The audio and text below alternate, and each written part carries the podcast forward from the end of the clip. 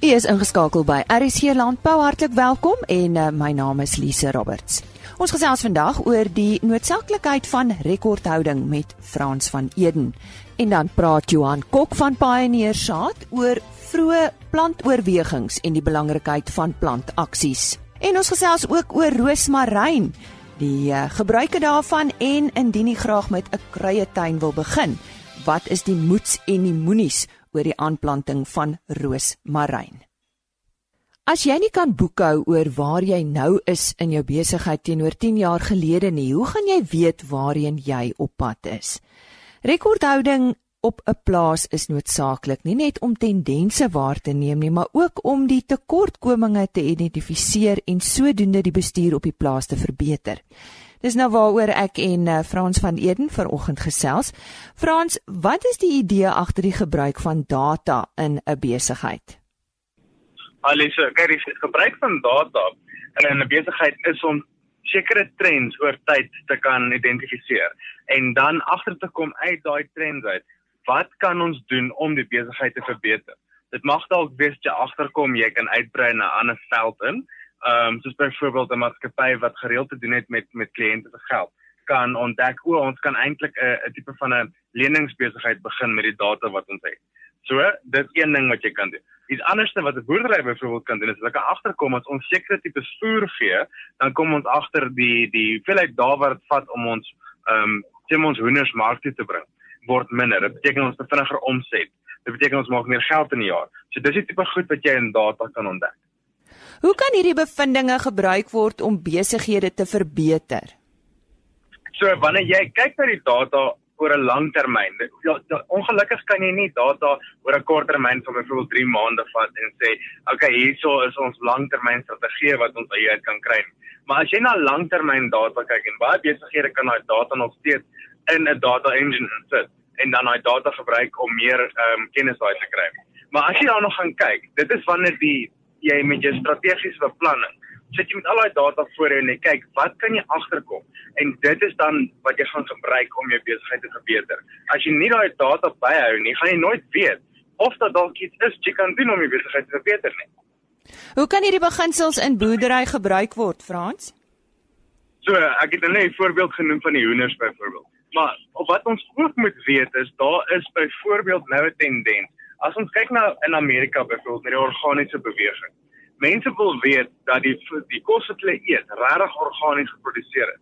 Nou, as ons kyk na big data, big data beteken dit is 'n klomp verskillende goed wat bymekaar kom en net as 'n voorbeeld vir jou elke 18 maande verdubbel die die data wat uh, beskikbaar is vir die mens. So as jy kyk nou hoeveel kennis daar nou in die wêreld is, oor 18 maande is dit dubbel. Maar met die ehm um, wanneer 5G internet uitkom, dan begin ons beweeg na internet of things jy self is gekonnekteer in jou rekenaar en rekenaar gekonnekteer aan die internet en daar vloei data die hele tyd. Nou dit gaan beteken elke 2 ure gaan ons data in die wêreld vermeerder, verdubbel. So daai data wat jy kan gebruik in jou eie boerdery gaan beteken jy kan vir jou jou produsent kan nou vir die eindgebruiker sê hier is die tipe voer wat ek vir my beter gegee het, hier is die tipe um, medikasie wat ek vir hulle gegee het dis certified organic. So jy kan 'n hoër prys vra vir jou vir jou uh, opbrengs. So dis die tipe goed wat mens vir jou ehm um, in landbou gaan begin kan doen in Suid-Afrika een van daai. Noem vir ons 'n paar ander voorbeelde van hoe dit al gedoen is in landbou. So as ons kyk byvoorbeeld in Amerika, daar's 'n maatskappy met die naam ehm um, Whole Foods. Nou Whole Foods doen iets soortgelyks al met die vleis wat hulle produseer. So hulle kan dan gaan en sê, luister hierdie vleis wat jy nou koop by Rakkie, scan hierdie QR kode en dan kan ons vir die alles vertel van die dier, nou nie wat hulle geëet en gedrink het en al daai verskillende inligting nie, maar dis die plaas waar dit geproduseer het. Dis hoeveel ehm um, goeie sertifiserings die plaas al gekry het. So dit gee 'n bietjie van ehm um, draagwaarde aan wat die vleis sê is organies. So dit is al iets wat reeds gedoen word in die wêreld daar buite. Nou ons het op RSC Landbou al gepraat van die 4de industriële revolusie. Verduidelik net weer vir ons luisteraars, wat is dit? So die 4de industriële revolusie is basies 'n data revolusie. Dit is waar ons data gaan kan gebruik en al hoe meer en meer insigte daai kry. Ons ons praat van die internet of things, die wêreld en alles wat jy daarin het, is gekonnekteer aan mekaar en al daai goed praat met mekaar sonder dat jy regtig ehm um, daarbey betrokke is. So mens begin beweeg in artificial intelligence. Nou jy dit nodig om as jy byvoorbeeld aan dink, elke 2 ure verdubbel die hoeveelheid kennis en data in die wêreld. Hoe gaan jy met jou blote oog daardeur kan kyk en sê, "Jesus, maar hierso is iets wat ehm um, vir my van toepassing is." Jy gaan dit kan doen nie. Jy het daai artificial intelligence nodig om die right data te werk. En dit is wat die volgende industriële revolusie gaan wees. En wat sê impak wat dit gaan hê op die landbousektor, Frans? So, my pa het nou dag net gesê, net sê, kan jy vir jouself indink as jy eendag opstaan en jy gaan net na jou iPad toe en jy druk 'n knoppie en daar staan al 15 jou trekkers op en almal van hak hulle ploë en hulle spuitkanne en alles en daar gaan hulle uit vir die dag en hulle gaan werk in die veld.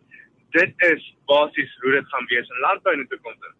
Want alles gaan so met mekaar gekonnekteer wees dat alles homself kan bestuur. Dis vir die effek wat dit in landbou ook kan hê. Iemand gaan natuurlik moet ontwikkel, maar daar is mense wat al klaar daarin dink. Hoekom is dit nodig dat landbouers in Suid-Afrika hierop moet oplet? Wel, Lisa, dit kom op 'n eenvoudige dag manier op. Hoe kan ons ons produk wat ons produseer goedkoper produseer? En as jy dit kan doen deur slimmer te werk met die hulpbronne wat jy het, deur gebruik te maak van data, deur gebruik te maak van artificial intelligence, waar jy die tendense kan uitken en eerder dit te gebruik om 'n mededingende voordeel te hê bo byvoorbeeld 'n hoender wat ingevoer word in Brasilia waar daar subsidies is. Dit beteken jy het 'n mededingingsfaktor wat 'n ander produsent nie het nie. En dis hoekom ons in Afrika wat nie subsidies van die staat af kry nie, al hoe meer en meer in begin kyk na hoe kan ons hierdie tipe goed gebruik om beter en beter produk uh, produsente te word. Okay, maar wat sal in plek moet wees vir ons landbouers om hiervan gebruik te kan maak? So ons moet natuurlik nou ehm, 'n um, beter internetinfrastruktuur in plek kry. Maar hoe dit werk in die ekonomie is, wanneer daar 'n vraag is na 'n ding, dan ontwikkel hulle dit. So die landbouers in Afrika moet die vraag skep daarvoor. Dan sal die internet op die platteland ook baie beter word. Want ons gaan 5G internet nodig hê. Dit is die vyfde generasie van internet om regtig gebruik te maak van alles tot die maksimum van sy potensiaal. So al hoe meer en meer landbouers vir hulle netwerke begin vra asseblief gee vir ons beter internet, gee vir ons beter netwerkkwaliteit sodat ons in hierdie rigting in kan begin beweeg. Ons het daar gesels met Frans van Eden oor eh, die belangrikheid van rekordhouding en onder meer oor die toekoms van data en hoe ons landbouers sal moet regstaan daarvoor. Ons volgende gesprek is met Pioneer en daarvoor sluit ons aan by Henny Maas. Ons uh, gesels met Johan Kok van Pioneer, hy is die agronoom van die westelike produksiegebiede van Pioneer en ons wil 'n bietjie praat oor uh, oor vroeë plantoorwegings. Nou uh, Johan, kom ons praat eers oor die plantaksie. Hoekom is dit so belangrik? Hallo Henny, nee, kom ek sê vir jou, die plantaksie is seker jou belangrikste vertrekpunt wat uiteindelik die fondasie gaan lê of jy op die einde van die dag 'n goeie oes gaan maak en uit die aard van die saak dan ook baie goeie winste gaan maak daai. Dit is dis ook die duurste proses wat ou moet volg. As ou kyk na die groot hoeveelheid insette wat daar ingaan om te praat van die hoeveelheid saad wat geplant moet word, weet al die chemikalieë wat gespuit moet word, weet insekdoders of onkruiddoders, jou kunsmis wat die plantvoeding ondersteun en dan ook al die diesel wat gebrand word, weet met 'n uh, Met die voorbereiding van die grond en die plantaksie self is dit 'n ongelooflike duur maar 'n belangrike fondasie wat gelê moet word ten einde sukses te behaal.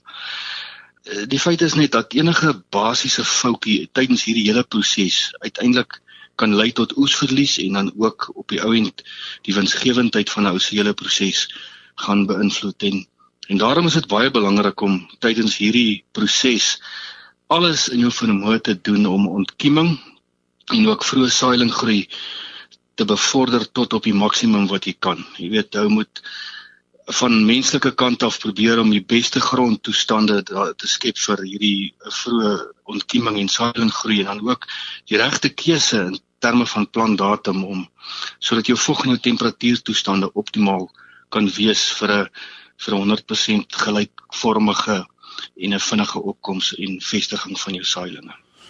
Net miskien vir die wat nie heeltemal op die hoogte is nie. Wat is ontkieming en saailing groep presies?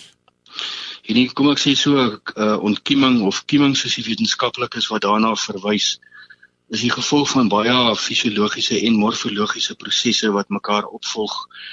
En dit begin maar basies op daai oomblik wanneer jy daai saad wat maar eintlik 'n klein lewendige dingetjie is in die grond plaas, is die eerste ding wat moet plaasvind wateropname of soos die wetenskaplikes daarna verwys as imbibisie.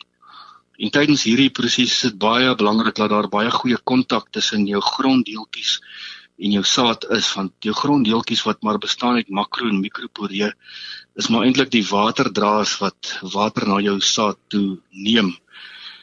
Die volgende wat sal plaasvind is natuurlik die, die hidrolisasie van jou saadweefsel. Ons weet en uh die vog wat daar ingaan sal 'n uh, groot aksie en ketting van ensiemreaksies aan die gang sit.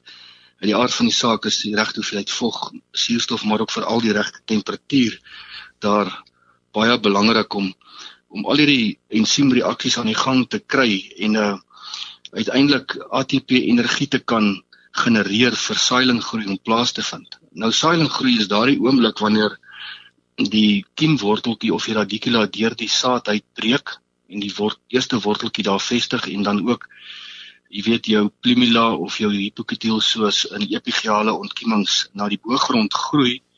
Ehm um, op daardie stadium en dan sien mens nog nie die saailing ook in die grond nie. Is kieming of ontkieming eintlik al klaar? Dan vind saailing groei plaas. En dit kan deur 'n legio verskillende goedes geaffekteer word. Jy weet fisiese beperkings soos grondkorsvorming dat kan ook beperk word deur 'n uh, groot verskeidenheid grondinsekte en grondgedragte patogene en ook as daar veral koue toestande 'n groot klomp grasdoder wat daar in die boergrond voorkom as daar enige koue toestande is kan dit tot abnormaliteite lei. Ehm um, so dis eintlik 'n baie komplekse uh wil ek amper sê gevolg van fisiologie en morfologie wat uiteindelik daartoe lei dat 'n saailing ook in die grond verskyn. Nou uh, Johan as mense die groeiproses wil optimaliseer, uh, wat wat het 'n mens nodig? Wel ek dink jy moet maar eers eerstens jou wat wat uit menslike vermoëns uh maklik sal wees um uh, vestig op wat jy kan beheer en heel eerstens moet ou kyk na jou grondvog. Ek meen grondvog vog is die een ding wat alles aan die gang sit. Um daai saadjie moet omtrent 30 tot 50% van sy eie massa aan vog opneem voordat hierdie klomp ensiemreaksies waarvan ek nou net gepraat het, weet aan die gang kan kom. Um hulle is ook baie afhanklik van suurstof. Daarom is 'n goed deurligte saadbed waar daar genoegsame suurstof voorkom baie belangrik. Jou temperatuur is wat natuurlik deur plantdatum bepaal word is ook belangrik. Die oor die algemeen plant die ouens hier op grondtemperature weet as jy praat van 'n 5-daagse gemiddeld so 18 tot 25 grade Celsius.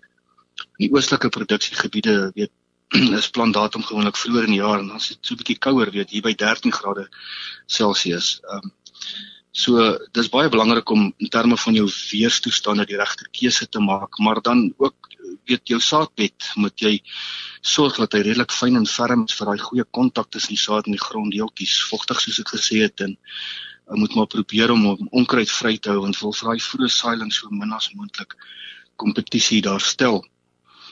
Uh jy moet gaan vir my dadelik vra nou wat van hierdie klomp noutal ouens of die ouens wat minimum tilling doen met hierdie klomp plantreste. Ek dink daar's dit baie belangrik om 'n planter eenheid te kry en jou planter te deur daai hele deklaag kan sny om nog by jou normale plantdiepte uit te kom. Nou by by Pioneer sê ons die die optimale plantdiepte van mielies is 6 tot 8 cm.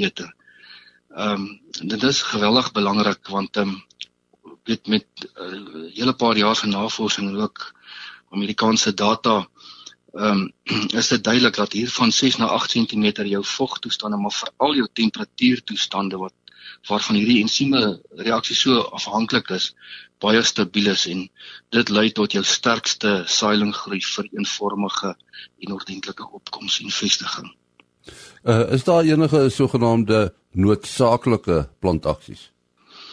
Dit is baie belangrik om vir elke plantseisoen weet maak nie saak hoe gesoute produsent jy is nie weet vir jou tipe van 'n checklist te gaan maak waar jy in die boksies moet aftik wanneer 'n ou na jou planters kyk of na jou planter die heel eerste ding is om te gaan kyk weet is hierdie ding reg gekalibreer nou die staar die ouens monitors om baie gesofistikeerde tegnologie wat hiermee help Maar as jy mik vir 'n plantpopulasie van kom ons sê 25000 plante per hektaar, moet jy doodseker wees. Dit is die hoeveelheid saad per hektaar wat neergesit gaan word. Ehm um, jy moet ook seker wees dat jou ry konfigurasie reggestel is. Jy moet gaan kyk na jou spuit, uh, weet is hulle reg gekalibreer veral as jy 'n grasdoder spuit want ehm um, as jy 'n grasdoder veral in koue toestande nie op die regte dosis kan jy ernstige abnormaliteite in jou vestigingsbrode veroorsaak. Ehm um, die plasing van jou kunsmis is geweldig belangrik. Jy weet die die duimreël is altyd maar so 5 cm onder die saad en 5 cm skuins weg want want as jou saad in die kunsmis lê, dan sal daai klein seminale saadworteltjies baie maklik brand en dit kan tot ernstige verliese lei. Ehm um, plantspoed uit die aard van die saak is ook belangrik. Weet die meeste al plan jy ons van 3 tot 8 km per uur. Maar hoe die populasie is wat die vestiging neer moet hou maar daar op 'n dag wees om stadiger te plant want die rolaksie onder die grond kan baie keer veroorsaak dat jy dubbels plant. Dit beteken plante wat teen mekaar staan in die ry. As die kompetisie te groot is om daai twee om optimaal te produseer en as jy en as jy skiep het is daar 'n 'n plant wat daar nie is nie. Met ander woorde, dit is 'n stukkie grond wat vermors word waar geen produksie plaasvind nie. Daar's 'n hele klomp goed hierdie wat 'n ou as basiese goedjies bes kan beskou. Jy weet as so met die aanloop hier na die wêreldbeker toe. Um ou moet by die basics bly en as jy al hierdie basiese goedjies reg doen, dan dink ek kan 'n ou van ons kant of van menslike kant af alles in jou vermoë doen om 'n uh, gelykvormige en 'n vinnige opkoms te bewerkstellig wat uiteindelik vir jou 'n uh, goeie plante stand sal lewer wat op die einde van die dag vir jou 'n baie winsgewende oes in die hand kan werk. Ja, ons hartlike dank aan Johan Kok van Pioneer. Dankie Henny. Ons uh, gesels volgende oor 'n uh, interessante onderwerp en ek dink enige een van ons uh, het uh, soms die die wil om kruie te begin plant. En dit is nie altyd so maklik nie want ons weet nie eintlik waar om te begin nie. En uh, ons het besluit om ver oggend met uh, Teresa Franken van uh, Rosemary Hill. Nou Rosemary Hill is net buite Pretoria te gesels oor roos roosmaryn.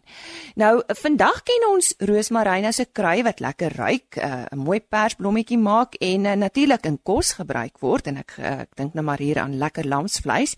Is ek reg met die stelling of watter ander gebruike of voordele het roosmaryn Teresa? Goeiemôre. Môre Lisa, baie dankie dat jy met my gesels. Um ag roosmaryn is wonderlik. Um dit is as 'n heilige krui in die Romeinse en die Hebreëse tyd ehm um, beskou in lande soos Griekeland en ou Egipte. Hulle het geweet ehm um, die verfrissende reuk gee mens energie. As jy dink iets soos lavendel is weer baie ontspannend, né? Nee, so ek dink altyd uh, roosmaryn is die teenoorgestelde van lavendel. Dit gee, gee mens baie energie. Jy kan dit intern neem om senuweeagtigheid uh, te verminder. Dit kan ook help vir moegheid. Ehm um, gesonde spysvertering is ook 'n groot voordeel ehm um, interne funksie van jou organe. Dit help selfs om jou hare mooi te laat groei as jy dit kan glo. en ehm um, ons het ook al gesien dit kan help met hoofpyn en inflammasie en dit bou jou ook jou immuunstelsel op. So dit is ongelooflik wat hierdie kry kan doen. Ek kan nie ek ek raak sommer opgewonde as ek net so praat daaroor want daar's soveel wat mens daarmee kan doen. Um op 'n praktiese ehm uh, slag uh, hoe ons dit gebruik is jy kan dit meng met 'n amandelolie of 'n klapperolie. Kyk 'n essensiële olie is baie sterk en baie gekonsentreer. So jy moet hom nooit uh, net, net so op jou op jou vel vryf nie. Jy moet meng hom altyd met 'n met 'n draer soos 'n klapperolie of so ietsie en jy kan jou voete daarmee vryf. Jy kan een of twee druppels in jou badwater sit. Um So dit is ongelooflik. So behalwe vir die medisinale eienskappe word dit dan ook gebruik in parfuum en skoonheidsindustriële en so vir aromaterapie. So so kan ek aangaan, maar jy verstaan. Hoe maklik groei roosmaryn? Dit is baie maklik. Ja, yes, ons ons soos jy nou reeds gesê het, ons is net buite Pretoria. Ons het so 200 hektaar hierso. Ons is net so oos, net so 'n bietjie oos. Ehm um, dit is baie maklik. Dit hou van klipperige grond ehm um, en nie te veel water nie. So hulle hou glad nie van nat voete nie. Jy moet hulle nie te veel water gee en dan raak hulle baie ongelukkig. Wat natuurlik goed is want ons kry nie baie reën nie. Ehm um, hulle hou van 6 tot 8 ure vir so vol son per dag. So al ons roosmaryn staan absoluut in die velde. Hulle kry vol son en en hulle hou ook daarvan om gereeld te snoei te word. Wat goed is want ons snoei hulle heeltemal af en dan gaan dit in die potte en dan haal ons die olie uit en dan kom hulle weer daai mooi groei uh, mooi groen weer op uit. Ja. Nou, ehm um, uh, as dit nou kom by die aanplanting van roosmaryn, jy het nou so 'n paar uh, moets en moenies vir ons gegee nie. Wat van iets soos ja. ehm ja. um, moet jy versigtig wees ehm um, wat jy daar by plant? Met ander woorde, jy moenie 'n ander krui by roosmaryn plant nie. Is daar so 'n reël? Nee, ons het ons het party lande wat ons sommer so een ry roosmaryn en dan een ry lavender doen en dan hierso waar ek met jou praat, as ek nou hier buite kyk, het ons een ry roosmaryn en een ry malva en so gaan ons aan. So nee, hulle is baie baie um, liefdevolle plante. hulle hou van enige ehm um, enigiemand wat rondom hulle is. So dit is nie 'n dis nie 'n probleem nie. Is daar 'n tyd van die jaar wanneer ons dit verkieslik moet aanplant? Ehm um, so ons het nou al ons het roosmaryn wat nou al 15 jaar in die grond is en van die plante maak ons ons eie stiggies.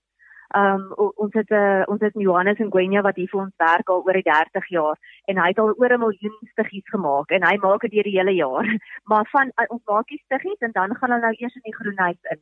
Jy weet nou in die in die rokkies en dan as hulle uh, wortels goed gevestig is, dan plant ons hulle nou in die sakkies. En dan jy weet dan terwyl hulle nou moet bietjie groei kry hulle baie water. Maar dan as ons hulle uitplant, ons plant hulle dan uit as hulle so 20, 30 cm lank is van wortel tot by die tip, dan is hulle absoluut afhanklik van reënwater. En dan wil hulle nie eintlik baie water hê nie. Hulle is heel gelukkig om om te staan, eh, weet in die klipprige grond in die son. En kan ons ja. hulle uitdroog? Ja, definitief. Ja, so ehm um, ons het sulke ag ons het uh, ons gebruik hulle oral wat wat ons sulke gedroogde bonnels maak en dit hou aan lekker ryk en dit is baie mooi. Dit is ook 'n immergroen plant. So, ehm um, dit is nogals mooi hier in die winter. Jy weet mos ons ons maar val hier in Gauteng, maar in die roosmarynvelde is die velde nog so mooi groen in die winter. Ja. Vertel ons bietjie van Rosemary Hill. Uh jy het nou net gesê julle is buite Pretoria geleë en 'n uh, groot ja. groot groot area. Uh wat presies ja. doen julle? So dis 'n familieplaas en besigheid. My skoonouers is nou van die vroeg 70s af hierso. Um hulle het eers 'n Waldorf skool op die plaas begin. So die skool is nou 47 jaar oud. En dan um soos ek gesê het, die plaas is so 200 hektaar groot en meeste is geplant onder roosmaryn, asook lavendel en malva wat jou rose geranium is, nou die Engelse woord, en dan ander medisonale plante en kruie. So wat baie lekker is en ons is baie bevoorreg, ons het ons eie distillasie aanleg waar ons die essensiële olies uit die kruie onttrek. So om jou idee te gee, ons as ons 'n ton roosmaryn nou gaan oes hier in die veld, ons sit dit in die potte in, deur die distillasieproses en die stoom kry ons 6 liter olie uit. Dis baie min op 'n ton. so en ons ons boer organies en biodinamies. Ehm um, so en ons is net afhanklik van reënwater. So ehm um, dit is nogal so 'n storie. Ehm um, so dit is vir ons baie lekker en dan behalwe vir die plaas en die skool het ons ook 33 km se fietsry roetes op die plaas. Jy kan dink hoe lekker is dit vir die stad Japies. Ons is 10 minute uit die stad uit. Hulle kom op 'n naweek en dan kan hulle lekker deur die roosmarynvelde ehm um, fietsry.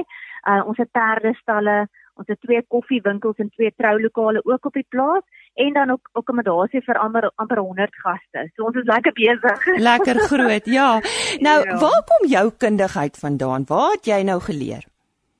So ek is um ek ek my ek leer nog steeds. My skoonpa is eintlik die boer. So hy is baie passievol oor um boerdery en hy het al 100 000 bome op hierdie plaas geplant en ook oor 'n miljoen roosmarynplantjies. So my fokus is nou weer hoe jy nou vir my vra is om waarde toe te voeg. So ons maak ons eie reeks produkte vir persoonlike gebruik so seep, lekker ryk spuite vir jou huis en jou linne ensovoorts. Ehm um, so ons is baie opgewonde oor die toekoms want ons wil graag goeie verhoudings en samewerking bewerkstellig met plaaslike en internasionale maatskappye wat dan nog werk sal kan skep en dan kan ons aanhou om 'n verskil te maak in ons gemeenskap. Dit is vir ons verskriklik belangrik. So ja, dit is Nou ja, dit was 'n lekker gesprek wat ek gehad het met Rosemary ehm uh, uh, uh, met Teresa Franken van Rosemary Hill en ek dink ons moet sommer volgende keer met haar gesels oor lavendel, oor lavender want ek weet daar's 'n paar uitdagings as dit kom by die aanplantings daarvan. Maar ja, uh, ons sal ja, so ons luisteraars moet ingeskakel bly op RSG Landbou. Net 'n webtuiste indien jy graag bietjie meer oor hulle wil gaan lees is www.rosemaryhill www.rsg.co.za. Dis dan tyd om te groet. Môreoggend op RSC Landbou gesels ons onder andere oor pitlose suurlemoene. Suid-Afrika se eerste as dit kom by hierdie variëteit en ons gesels met die LNR daaroor. RSC Landbou is 'n produksie van Plaas Media. Produksieregisseur Henny Maas Aanbieding Lisa Roberts. en inhoudskoördineerder Jolandi Root.